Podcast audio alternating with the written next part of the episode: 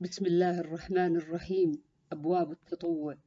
باب التطوع بعد المكتوبة. عن ابن عمر رضي الله عنهما قال صليت مع النبي صلى الله عليه وسلم سجدتين قبل الظهر وسجدتين بعد الظهر وسجدتين بعد المغرب وسجدتين بعد العشاء وسجدتين بعد الجمعة. فأما المغرب والعشاء ففي بيته. وحدثتني أخت أختي حفصة أن النبي صلى الله عليه وسلم كان يصلي سجدتين خفيفتين بعدما يطلع الفجر وكانت ساعة لا أدخل على النبي صلى الله عليه وسلم فيها. وعن نافع بعد العشاء في أهله. باب من لم يتطوع بعد المكتوبة. وعن ابن عباس رضي الله عنهما قال صليت مع رسول الله صلى الله عليه وسلم ثمانيا جميعا. وسبعا جميعا. قلت يا أبا الشعثاء أظنه أخر الظهر وعجل العصر وعجل العشاء وأخر المغرب. قال وأنا أظنه باب صلاة الضحى في السفر. عن مورق قال قلت لابن عمر رضي الله عنهما أتصلي الضحى؟ قال لا.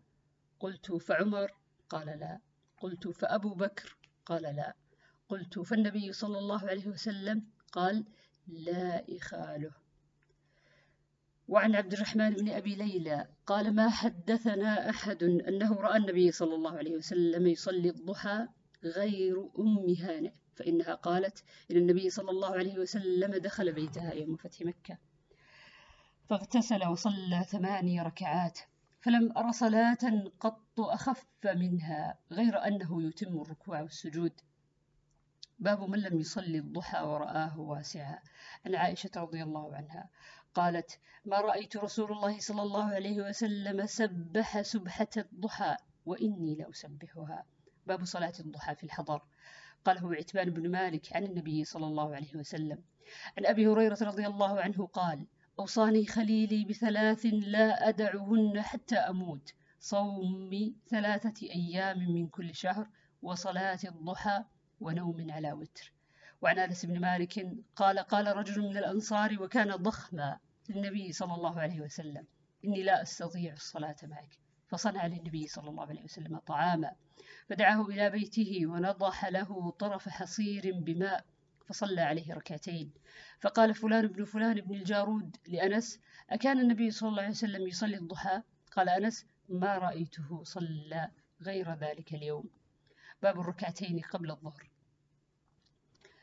وعن ابن عمر رضي الله عنهما قال حفظت من النبي صلى الله عليه وسلم عشر ركعات ركعتين قبل الظهر وركعتين بعدها وركعتين بعد المغرب في بيته وركعتين بعد العشاء في بيته وركعتين قبل صلاة الصبح وكانت ساعة لا يدخل عن النبي صلى الله عليه وسلم فيها.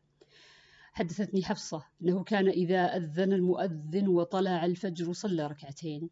وعن عائشة رضي الله عنها أن النبي صلى الله عليه وسلم كان لا يدع أربعا قبل الظهر وركعتين قبل الغداء باب الصلاة قبل المغرب. وعن عبد الله بن المزني عن النبي صلى الله عليه وسلم. عن عبد الله المزني عن النبي صلى الله عليه وسلم قال صلوا قبل صلاة المغرب. قال في الثالثة لمن شاء كراهية أن يتخذها الناس سنة.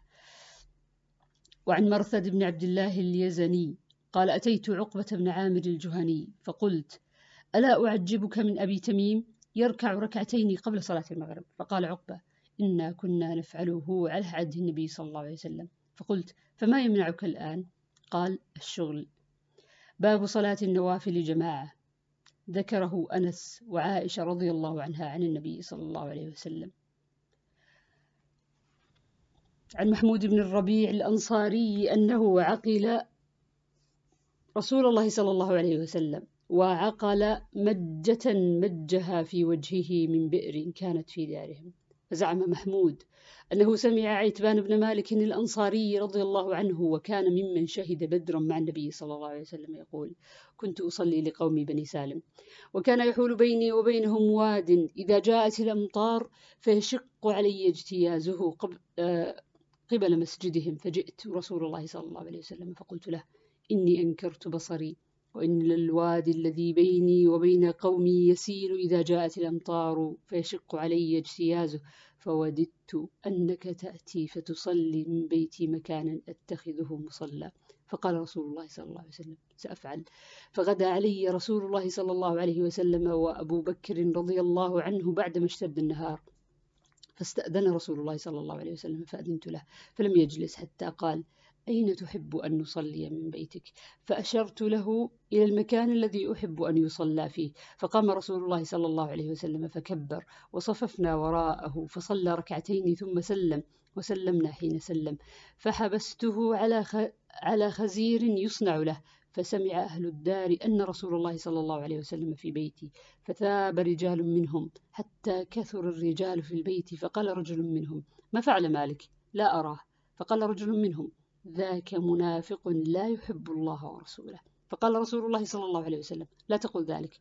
ألا تراه قال لا إله إلا الله يبتغي بذلك وجه الله. فقال الله ورسوله أعلم. أما نحن فوالله لا نرى وده ولا حديثه إلا إلى المنافقين. قال رسول الله صلى الله عليه وسلم فإن الله قد حرم على النار من قال لا إله إلا الله يبتغي بذلك وجه الله. قال محمود بن الربيع فحدثتها قوما فيهم أبو أيوب صاحب رسول الله صلى الله عليه وسلم في غزوته التي توفي فيها. ويزيد بن معاوية عليهم بأرض الروم فأنكرها علي أبو أيوب. قال والله ما أظن رسول الله صلى الله عليه وسلم قال ما قلت. فكبر ذلك علي فجعلت لله علي إن سلمني حتى أقفل من غزوتي أن أسأل عنها عتبان بن مالك رضي الله عنه. إن وجدته حيا في مسجد قومه فقفلت فأهللت بحجة أو بعمرة ثم سرت حتى قدمت المدينة فأتيت بني سالم فإذا عتبان شيخ أعمى يصلي لقومه. فلما سلم من الصلاة سلمت عليه وأخبرته من أنا ثم سألته عن ذلك الحديث فحدثنيه كما حدثنيه أول مرة. باب التطوع في البيت. عن ابن عمر رضي الله عنهما قال قال رسول الله صلى الله عليه وسلم اجعلوا في بيوتكم من صلاتكم ولا تتخذوها قبورا.